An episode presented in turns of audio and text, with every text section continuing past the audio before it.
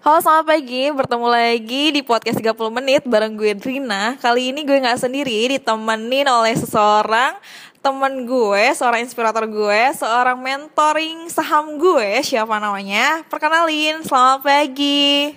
Pagi, nama gue Dimas Raka Prayuda. Oke, dipanggilnya apa nih? Dimas. Oke Dimas, pagi ini gue akan ngebahas tentang uh, milenial sih khususnya kayak mis kayak lebih tepatnya kayak gue muda, gue gaul, tapi gue nabung gitu ya. Gue tetap nongkrong, tapi kita tetap nabung gitu, walaupun ya gaji kita ngepas gitu. Oke, okay, Mas, uh, gue tuh kenal lo dari, oh ya, uh, for your info, ini gue sama Dimas kenal pas saat gue di akhir-akhir mau lulus kuliah uh, karena ber, uh, kebetulan gue tuh adalah seniornya Dimas ya. Yeah. yes. Yeah. seniornya Dimas dan gue tuh lulus telat lulus setahun jadi ya hampir kita lulusnya barengan di tahun yang sama jadinya. Dan gue tuh pertama kali kenal sama Dimas karena berurusan sama saham sih intinya. Gue pengen belajar saham gue stres banget di jurusan gue. Lalu gue nyari batu loncatan ngapain gue di kampus? Akhirnya gue main-main nih ke galeri investasi yang ada di kampus gue. So gue belajar saham sama dia sampai sekarang. Nah gue mau nanya nih kalau Dimas. Kok lo bisa sih uh, se, se oke ini dalam main saham gitu? Sebenarnya itu konsepnya bukan main mbak. Oh, iya okay. mbak. Kakak aja deh. Nah sebenarnya kalau konsep buat saham itu bukan main kak. Sebenarnya itu kok konsep saham itu invest oh, investasi oh, saham. Nah emang sekarang di bursa efek Indonesia tuh emang ada program Yunabung saham. Hmm. jadi emang itu ditujukin buat kita nih para mahasiswa yang di bawah under 30 tahun lah gitu kan. Itu dengan cara kita invest 100 ribu di perusahaan yang bagus kayak Unilever terus juga Telkom terus perusahaan-perusahaan kayak Indofood nah itu dengan 100 ribu kita bisa milikin perusahaan-perusahaan tersebut gitu. Nah buat caranya itu sebenarnya gampang sih. Gampang dengan cara ya apa ya kita tahu perusahaannya. Perusahaan yang kita dari mulai bangun tidur terus juga kita kerja terus kita pulang terus kita makan itu semuanya perusahaan-perusahaan yang ada di Bursa Efek Indonesia. Nah di situ kita apa ya dari mulai bangun tidur deh. Kita ngapain? Ngecek ngecek handphone. handphone. Providernya apa? Kalau tapi kalau gue ngecek buku ya. Minum air minum air minum air. Nah minum air itu aqua. Ya, nah aqua itu dulu listing di bursa tapi sekarang udah go private. Oh gitu. Nah terus naik motor kita naik apa? Honda. Okay. Honda.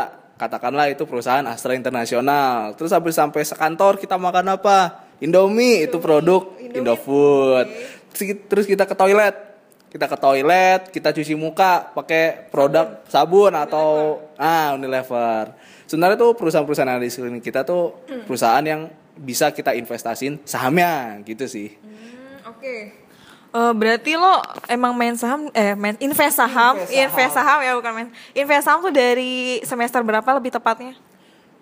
Semester berapa ya? Mulainya itu dari semester 4 sih empat jadi katakanlah tingkat dua okay, gitu kan. tingkat dua, tingkat ya. dua. Nah itu awalnya itu dari gue kenal saham itu gue mulai ikut lomba-lomba. Dan dari lomba-lomba itu gue bisa belajar cara analisisnya terus juga saham tuh apa sih? Sebenarnya saham tuh surat kepemilikan. Jadi kalau misalnya kita beli saham kita bisa miliki perusahaan tersebut gitu. Nggak cuman saham terus juga gue juga belajar tentang ya instrumen-instrumen lainnya lah Nah, terus balik lagi kita ke lomba dari lomba itu, gue juga ikut SPM nih, oh, sekolah iya. pasar modal, lu ikut juga iya, kan? Ikut. Nah, sekolah pasar modal itu, jadi yang ada itu Bursa Efek Indonesia, itu emang buat yang benar-benar pemula banget.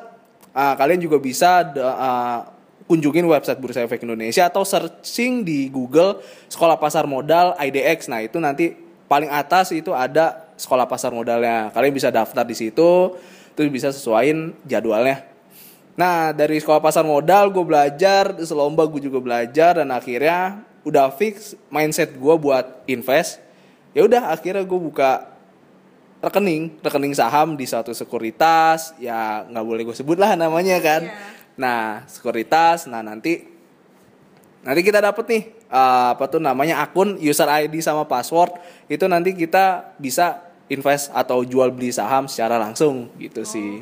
Oke, okay, next banget ya Mas. So, sebenarnya gue juga kenal lo untuk soal kejuaraan lo. Gue tuh sebenarnya sen apa sih ya gimana speechless gitu ngedengarnya. Keren banget gue punya teman karena Dimas ini beberapa kali juara satu ya bukan bukan juara tiga lagi juara satu dan hadiahnya tuh sangat bombastis banget bombastis udah gitu dan uh, kejuaraannya Dimas itu gue ketahuinya nggak dari dia sendiri. Emang gue tuh langsung ngeliat dari videonya. Misalkan gue lagi ikut seminar di kampus nih terus ditayangin kan kan keren banget. Itu satu keren banget gue punya teman baru kayak dia gitu.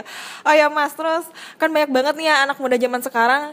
Gue baca nih kayak misalkan kepemilikan generasi milenial itu susah banget punya rumah. Mm-hmm. dan gue lihat di survei ada 40 hanya 40 persen uh, orang-orang yang memiliki rumah dan itu pun dari warisan. Itu yang khusus di Jakarta ya. Menurut lo itu gimana tuh?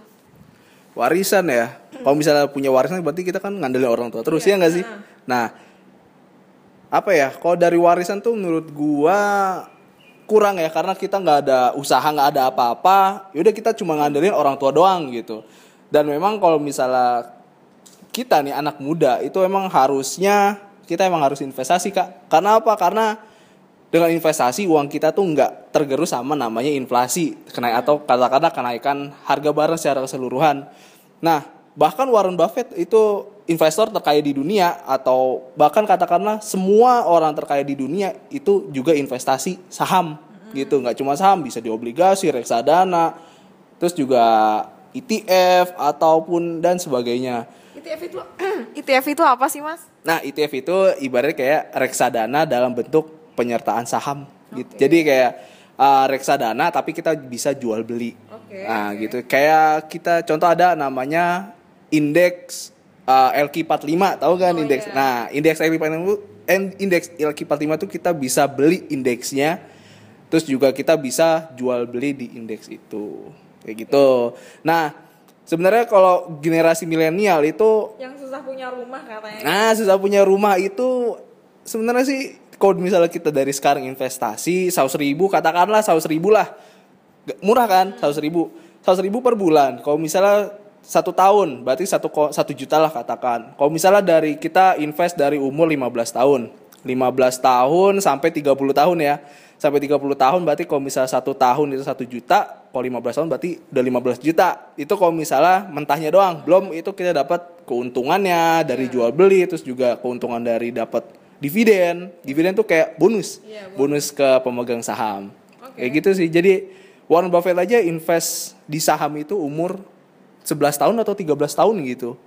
Ya kenapa kita enggak gitu kan? Kita kan memang acuan orang terkaya di dunia itu harus kita ikutin. Nggak harus sih. Emang sebagai referensi contoh, ya. nah contoh buat kita melangkah ke depan gitu sih. Okay.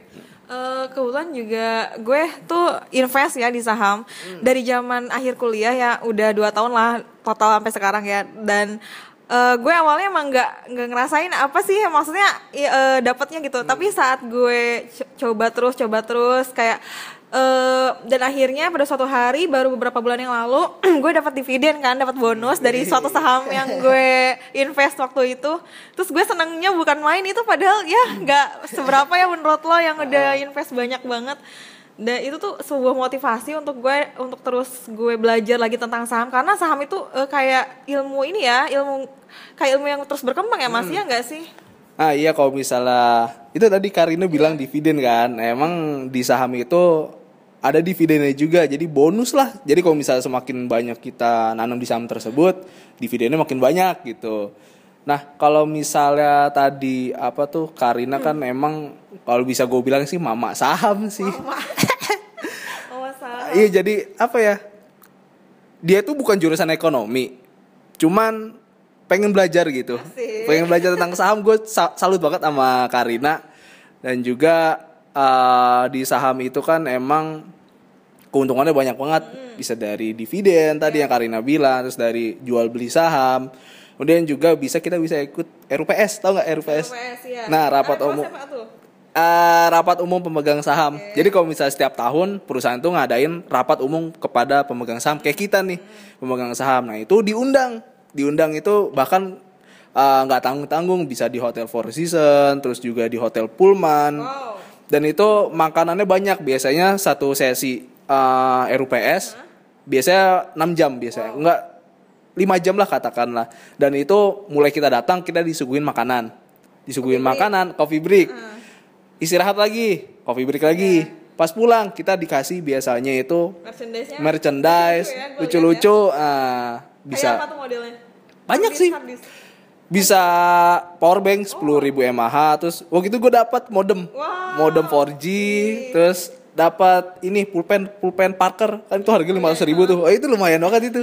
Nah itu salah satu keuntungan kita bisa invest di saham. Jadi kayak apa ya kita kan nggak pengen kan kita hidup di Indonesia tapi kepemilikan saham atau pemilikan perusahaan itu dimiliki sama asing kan. Nah makanya itu kita nih orang Indonesia itu harus harus bukan uh, wajib bukan apa ya bukan ibarat kayak sunnah gitu kan. Kita wajib buat invest saham. Karena apa? Karena kita pengen kan kita hidup di negara Indonesia kita juga harus milikin perusahaan-perusahaan yang ada di Indonesia jangan mau dimilikin sama asing gitu Oke, keren banget ya pemaparan Dimas ini.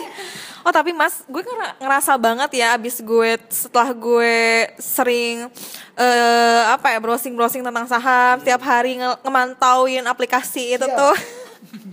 mau merah mau hijau sebenarnya nggak tiap ini. Cuman mantau aja sih nggak invest juga pas saat itu. Tapi gue semakin gue ininya di saham semakin ilmu gue berkembang. Karena apa?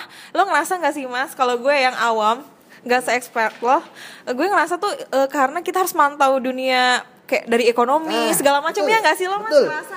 Nah, kok secara nggak langsung ya, kalau kita invest di saham, itu secara nggak langsung kita harus mantau perkembangan ekonomi. Nah, iya. Nah, dengan cara kita bisa baca berita, bisa baca berita dari ekonomi dunia, kemudian juga ekonomi Indonesia, bahkan eh, perusahaan-perusahaan tuh sering eh, ngelakuin aksi korporasi. Itu jadi kayak misalnya perusahaan tuh mau ngelakuin ekspansi atau mau bagi dividen, itu perusahaan-perusahaan juga biasanya ngasih informasi.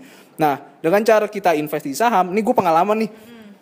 Gue skripsi lo tau nggak berapa Iya. bulan? Wih, berapa? Eh berapa bulan? Berapa minggu? Eh tiga minggu wih gila gila tiga Siapa? minggu tiga eh, minggu. eh, tiga minggu itu udah termasuk baca Inggris ya Hmm. full English wow nah itu lo ekonomi tapi full English iya Wih, eh, emang disuruh sih Oh, keren nah banget. itu karena gue tahu dan juga gue investasi saham otomatis kan gue baca laporan keuangan pastinya kan laporan keuangan terus juga perekonomian gimana terus juga eh, kondisinya gimana Indonesia? Nah itu gue tahu itu gara-gara gue invest di saham. Jadi secara nggak langsung sekarang nih sekarang kan emang eh, ekonomi kita lagi katakanlah dolar lagi tinggi kan bener kan?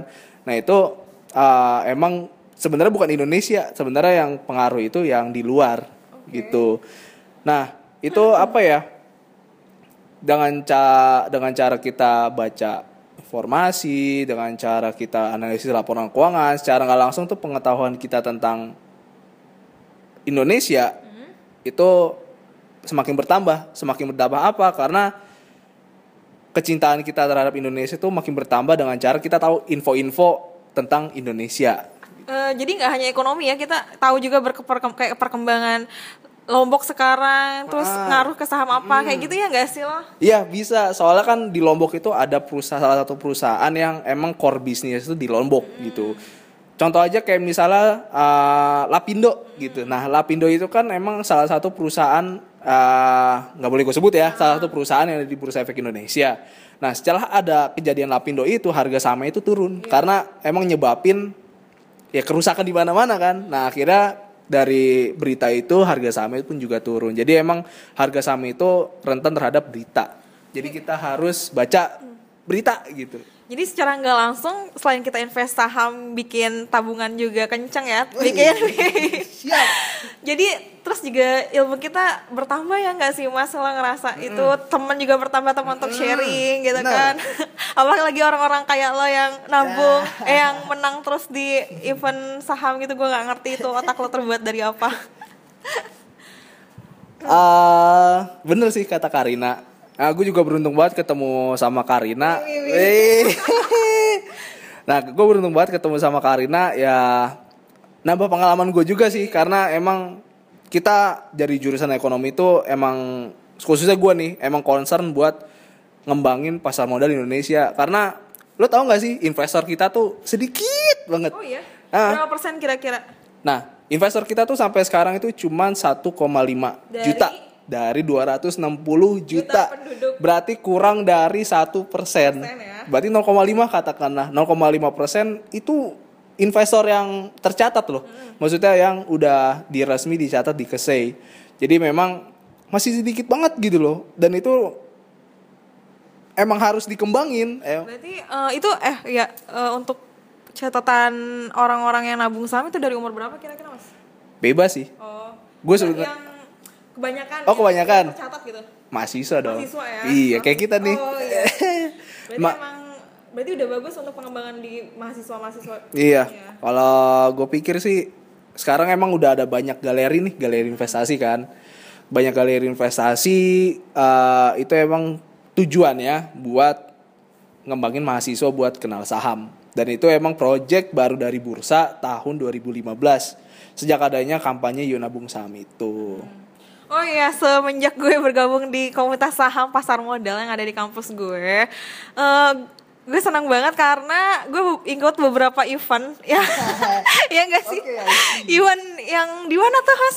Event-event kayak, jadi gue ketemu sama beberapa komunitas saham pas eh pasar modal lain dari kampus lain itu yang dulu diadain di HI kalau nggak salah ya. Iya. Itu kita nggak. Oh ya, inve- namanya Infestival itu keren banget. Gue ngerasain di mana ada komunitas orang-orang yang bener-bener gimana ya, bener-bener apa ya namanya mas ya? Passion lah. Passion lah di saham ya. Ah. Tapi di sana berkumpul, terus ngadain lomba itu keren banget. Gue awesome banget rasanya. Keren banget.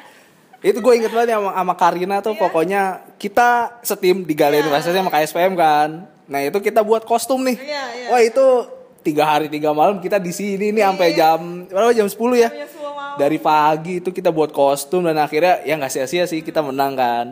Dan itu emang Infestival itu eh, apa ya itu emang acara bursa efek Indonesia buat apa ya ngajak masyarakat tuh yang lagi CFD itu biar aware sama saham jadi emang saham itu kan kalau misalnya di masyarakat tuh saham itu kan ah jangan jangan main saham rugi terus Nah, iya, kata makanya. siapa gitu jangan main saham itu haram kata siapa gitu bahkan kalau misalnya kita teliti lagi saham itu sebenarnya kita beli saham atau jual beli saham atau investasi saham itu sama aja kita kayak jual beli di pasar. Kalau di kalau di pasar itu kan tepatnya namanya pasar. Kalau di bursa efek itu pasar itu namanya bursa efek Indonesia. Terus yang jual beli kalau di pasar kan ada penjual sama pembeli. Nah kalau di bursa efek Indonesia penjual pembelinya itu namanya investor. Terus barang yang kalau di pasar kan bisa bermacam-macam kayak buah, sayur, terus ada mak- ayam gitu kan. Nah kalau di bursa efek Indonesia itu barangnya namanya saham. Jadi emang saham itu sebenarnya halal, cuman yang bikin haram itu persepsi kita. Kalau misal kita beli saham, nggak tahu perusahaannya itu apa, analisisnya kita nggak tahu atau asal-asalan lah katakanlah itu kan sama aja kayak gambling, judi, bener Iya. kan? Nah, bilang gitu. Nah, kalau yang kayak gitu kita nggak tahu perusahaannya, kita asal-asalan beli, kita ngarepin untung cepet, itu sama aja kayak judi, gambling, dan itu haram memang. Dan sebenarnya konsep dasar saham itu halal. Dari Islam pun juga nganjurin kita buat investasi, investasi di saham gitu. Kalian bisa cari di YouTube uh, keywordnya itu saham halal, itu banyak kok ustadz-ustadz yang nyebutin kalau investasi saham tuh ya halal itu. Oh ya satu lagi nih tentang saham ya mas ya. Eh lo ngerasa nggak sih kalau main saham juga kayak eh ngolah psikolog kita dari cara emosional kayak gitu. Kalau gue ngerasa sedikit sih kayak ih kesel banget gitu. Ih iya menang tiba-tiba tiba-tiba kesel gitu kayak Kalau gitu eh ya gitu dia turun kesel bawahnya. Iya itu secara langsung kita psikologi kita nih psikologis kita uh, main juga karena emang kalau misal harga saham turun itu kan kita aduh harga saham gue turun nih panik kan panik gak? Iya panik banget. Ah panik kan misal turun 10% 10% gitu. Nah itu tergantung psikologi sih. Jadi emang ada investor jangka pendek ada yang jangka panjang. Nah kalau jangka panjang kayak gue nih gue jangka panjang itu nggak terga uh, ibaratnya kayak psikologis gue tuh udah terbentuk. Jadi kayak mau harga saham turun, mau harga saham anjlok, Udah stabil lah ya udah. ya it's nothing man, nothing. Jadi kayak harga saham turun tuh kita manfaatin buat jadi diskon gitu. Oke. Selama perusahaan uh, kinerja keuangan perusahaan tuh bagus, labanya juga naik, utangnya dikit. Ya it's okay man, itu diskon di pasar modal gitu. Kenapa harus takut gitu? Jadi kalau misal konsep gue nih, investasi saham tuh kita beli, gue beli, gue keep sampai jangka panjang, gue cicil uh, per bulan, mau turun mau naik ya udah nggak apa-apa gitu. Itu ibaratnya kayak diskon lah di pasar modal. Jadi ya it's nothing man nggak nggak ada apa-apa gitu kan pasar modal kita tuh bagus ekonomi kita tuh bagus gitu ngapa lu takut sama harga saham turun gitu Jadi sebenarnya eh, invest saham juga nggak nggak ngasal ya kita juga harus nganalisis sendiri. PD juga sih mas iya nggak sih? gue kadang harus kalau misalkan gue misalkan sharing-sharing sama teman-teman di anak-anak saham gitu ya. Gue misalkan Rin, lo mending ini deh rekomendasi ya gue tetap pede misalkan dengan perusahaan kayak favorit gue nih, gue tetap invest yang ini. Kadang gue ngerasa pede pede pede aja sih. nah sebenarnya tuh kalau di invest saham tuh nggak ribet kak sebenarnya asalkan kita tahu perusahaannya misal contoh siapa sih yang nggak tahu perusahaan Unilever Iya. gitu kan? Siapa sih yang nggak tahu perusahaan Indofood? Nah itu cara kita tahu perusahaannya menurut lu Unilever Indofood bagus kan? Telkom bagus kan? Terus perusahaan kayak ah, apa tuh namanya gudang garam atau rokok gitu loh katakanlah. Bagus kan? Atau bank gitu bagus. Nah dengan cara kita tahu perusahaan itu bagus terus kita kita kenal perusahaan itu ya udah itu bagus. Ya eh, berarti emang layak untuk diinvestasiin. Jadi emang konsep dasar saham tuh kita tahu perusahaannya kita tahu kinerja keuangannya. Kalau misal udah tahu ya udah kita langsung eksekusi dengan cara beli saham tersebut. Dengan cara per bulan dicicil seratus ribu atau lima ratus ribu tergantung gaji sih. Kalau gua kan masih mahasiswa ya jadi ya udah seratus ribu seratus ribu Oke oke. So ini kita bahas ke milenial ya, Siap. ala milenial. Lo ngerasa nggak sih eh, orang-orang zaman sekarang, termasuk gue kadang yang ngerasa boros banget sama duit nih. nah, gue ngeliat lo nih, yang masih muda, terus gaul iya, hangout iya, traveling iya, tapi eh, tabungan lo oke gitu masih stabil. Nah, Emang kasih kan kelihatan. Oh, siap. kadang kadang iya gak sih? Ka- Kadang katanya orang-orang ekonomi bisa ngelihat dari eh, pergaulan lo, gaji lo berapa, iya gak sih katanya? tergantung sih jadi kalau misalnya emang tujuan lo buat gaya-gayaan emang kelihatannya tuh wah mewah banget gitu kan padahal sebenarnya duitnya kere gitu jadi kayak Iya, eh, kelihatan lah ya. Nah, kalau yang kayak gitu tuh emang nggak disaranin sih, karena emang namanya juga pemborosan duit buat apa Iya, gitu. buat apa? Yang penting kita investasi saham kan. Nah, jadi kayak buat gua sih, ya gua apa adanya gitu. Emang gua apa adanya, jadi ya nggak tergantung sama apa ya pencitraan lah, lu tahu kan Iya, pencitraan. Misalnya kita harus kayak gini, zaman banget ngikutin gitu ya. zaman, terus juga nongkrong di ya, Xbox, Xbox, ya. Xbox gitu kan, Xbox. Nggak boleh sebut merek. Ah. Nah, nongkrong di situ ya buat apa kalau misalnya nggak Iya. terlalu penting gitu kan.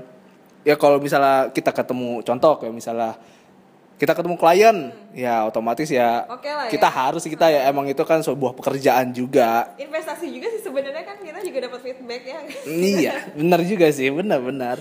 Jadi kayak kita milenial khususnya gua sama Karina ya emang concern banget sama namanya itu nggak mau ibarat kayak pamer-pamer ya nggak sih? Nggak mau pamer-pamer. Janganlah pamer-pamer buat apa gitu. Nanti aja kalau misal udah tua atau udah jadi direktur bolehlah lu pamer-pamer. Bebas ya.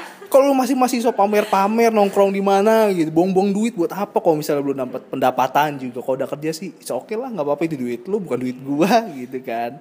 Selama kita nggak ngerugin orang lain ya no problem. Cuma ya disaranin buat milenial itu jangan terlalu banyak gaya tapi banyaklah aksi Iya, gitu. betul. Eh, so oke sih. Oke. buat gua sih no problem sih buat gitu. Cuman ya emang gue concern dari awal dididik sama orang tua gua buat hemat-hemat. Ya sih, gue semenjak gue bergaul sama Dimas ini, gue semakin realistis mikir kayaknya misalkan. Tapi mungkin kalau kayak misalkan apa ya, suatu hal yang nggak penting kayak jalan-jalan kayak misalkan dulu gue zaman kuliah pengen buat jalan-jalan seminggu sekali harus ada- ada budgetin untuk ja- jalan-jalan ke mana pun keluar kota, ke pantai, ke gunung gitu. Tapi pas dipikir-pikir lagi udah lulus kuliah tuh, hah kok segitunya gue gitu gue menghabiskan uang untuk jalan-jalan dalam jangka de dekat eh dalam apa ya dalam jarak yang dekat mending gue investasi itu uang terus gue jalan-jalan ke suatu tempat yang bener-bener gue impikan Wih. nah gue yang ngikutin Dimas nih saran Dimas Wih, siap. Gue kalau ngobrol-ngobrol jadi gue semakin realistis nih aduh ntar deh tahan dulu tahan. Kayak ada eh, kayak misalkan gue ba- jadi banyak mikir kayak misalkan gue pengen beli sesuatu tapi ada tahan dulu ini kayaknya kurang penting Nggak deh. penting. Mm, nggak penting kayak jadi gue lebih menghindari gimana ya kalau ke mall emang sebutuhnya sih nggak gue kayak misalkan nongkrong lebih baik di luar mall lebih baik di angkringan atau di coffee Betul sekalian ya nggak sih lo Iya, gue seumur umur ya, gue jarang nongkrong di mall gitu. Paling gue kok nge-mall tuh, lu tau nggak tiga bulan sekali atau sebulan sekali, eh dua bulan sekali lah katakanlah itu juga paling cuma buat makan, ngajak diajak makan sama temen gitu kan. Gue sehari-hari gue nih, kalau boleh bisa lah boleh jujur, itu gue kuliah, eh, kuliah, terus juga nih jaga di galeri nih, galeri gue juga jaga di galeri investasi di Gundar. Dan apa ya kalau misalnya gue pribadi sih emang gue orangnya jarang nongkrong dari dulu. Nggak pernah nongkrong di mall. Paling juga sering gue nongkrong di rumah temen gue di Depok. Itu dari pagi sampai malam. Jadi ya gue anak rumahan gitu. Oke, anak masih, ru- masih beda sama gue yang sering masih cuman ya emang kalau misalnya buat liburan itu perlu ya emang. Karena buat emang itu refreshing sih. Gue juga pengalaman gue juga budgetin duit gue tuh buat liburan tuh ya tergantung sih. Kalau misalnya gue pengen ke Jogja berarti butuh PP berapa lah 1,2 kan buat atau kereta atau pesawat pesawat kan.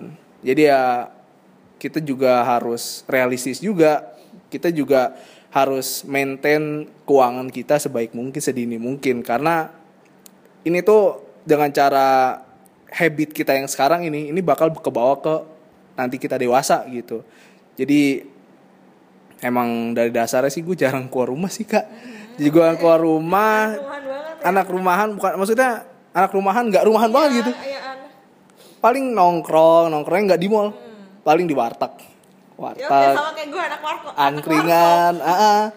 di rumah teman kadang beli wa, beli Fanta atau apalah gitu Kita makan bareng di rumah. Nah, makan pakai biasanya kalau gue nih nanti gue juga mau bakar-bakar kan. Jadi itu juga ngehemat biaya sih, nggak mau misal kita makan di mall itu habis buat satu orang cepet atau bisa katakanlah 200 kalau yang mahal all you can eat gitu kan. Buang buang, buang duit sih menurut gue. Hmm, Oke, ya. Eh, oh ya Mas, terakhir nih ada pesan untuk para generasi milenial khususnya mahasiswa seumuran-umuran lo lah, seumuran kita gue. Tau banget gue.